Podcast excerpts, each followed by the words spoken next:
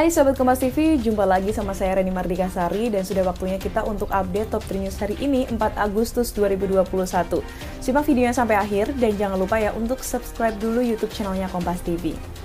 Kita awali top 3 news hari ini Sahabat Kompas TV dari berita pemeriksaan sumbangan 2 triliun rupiah oleh keluarga mendiang Akiditio kepada Kapolda Sumatera Selatan. Polisi menjelaskan bahwa uang yang dijanjikan tersebut ternyata tidak ada di rekening. Hal ini disampaikan langsung oleh Kabit Humas Polda Sumatera Selatan Kombes Supriyadi di Palembang. Ia menjelaskan bahwa saldo yang ada di rekening tersebut ternyata tidak cukup. Hal ini berdasarkan pemeriksaan biliet giro yang diserahkan anak Aki Tio, Herianti kepada pihak bank. Saat ini bisa kita sampaikan perkembangan terakhir bahwa hasil koordinasi dan pengecekan kepada bank Mandiri ya, yang ada di Sumsel sesuai dengan bilet giro yang diberikan oleh saudara Haryanti ya. Kita mendapat klarifikasi dari pihak bank bahwa saldo yang ada di rekening tersebut saldonya tidak cukup ya. jadi maksudnya di rekening giro tersebut tidak uh, tidak cukup saldonya. Itu yang pertama ya. Kemudian yang kedua terkait dengan perkembangan penanganan kasusnya kita akan dalami uh, tahap berikutnya ya baik itu dari pihak perbankan maupun pihak-pihak lain yang nanti akan kita mintakan keterangan terkait dengan keterangan yang diberikan oleh Ibu Haryanti. Jadi akan kita cross check antara keterangan saudari Haryanti dengan keterangan yang lainnya.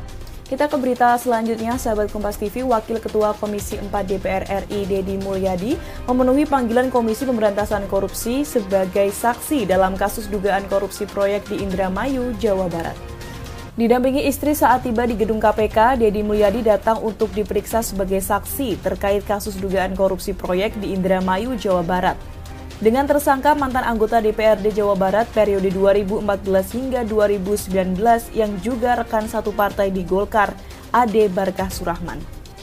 Kita ke berita yang terakhir, sahabat Kompas TV, ini ada sejumlah pihak yang ramai-ramai mengkritik pemerintah terkait rencana mengecat ulang pesawat kepresidenan. Berikut liputannya untuk Anda.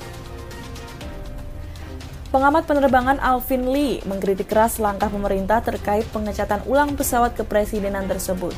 Hal ini dinilai tak ada urgensinya dan tak memiliki sense of crisis di saat Indonesia masih dilanda pandemi COVID-19.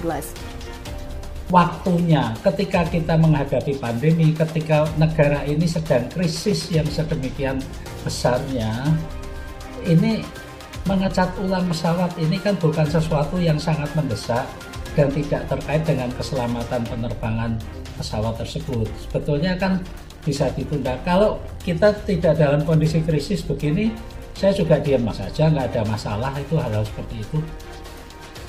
Sementara anggota DPR fraksi PKS Mardani Alisera menilai pemerintah seharusnya bisa menunda atau mengalihkan anggaran untuk penanganan pandemi COVID-19. Artinya bisa dibilang tunda atau alihkan bagi masyarakat yang lebih perlu. Banyak sekali PHK, banyak sekali masyarakat yang tidak bisa jualan, banyak sekali masyarakat yang tidak bisa bekerja. Ayo, pemimpin contohkan menjadi ayah bagi rakyatnya. Jangan rakyatnya susah, pemimpinnya ngechat sesuatu yang tidak urgen dan tidak uh, primary need saya Mardani Rizky. Tenaga ahli utama kantor staf kepresidenan Ali Mohtar Ngabalin telah menjelaskan bahwa anggaran perbaikan pesawat sebesar 2,1 miliar ini sudah dilakukan sejak 2019 dan diyakini tak mengganggu anggaran pandemi COVID-19. Nah, sahabat Kompas TV itu tadi top news hari ini. Jangan lupa untuk like, komen, dan share. Dan juga subscribe YouTube channel Kompas TV. Kalau sudah nyalakan notifikasi, agar tidak ketinggalan update terkini dari YouTube Kompas TV. Saya Reni Mardika Sari pamit, tetap jaga kesehatan, dan sampai jumpa.